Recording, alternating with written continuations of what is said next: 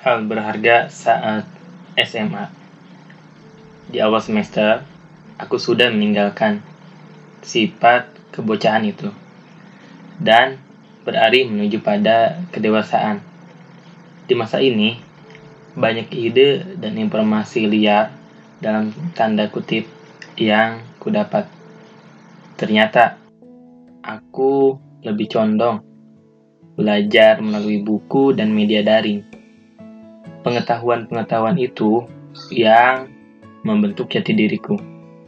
Aku tahu mana yang terbaik dan sebisa mungkin ku coba menghindari dari sifat hedonis dan konsumeris.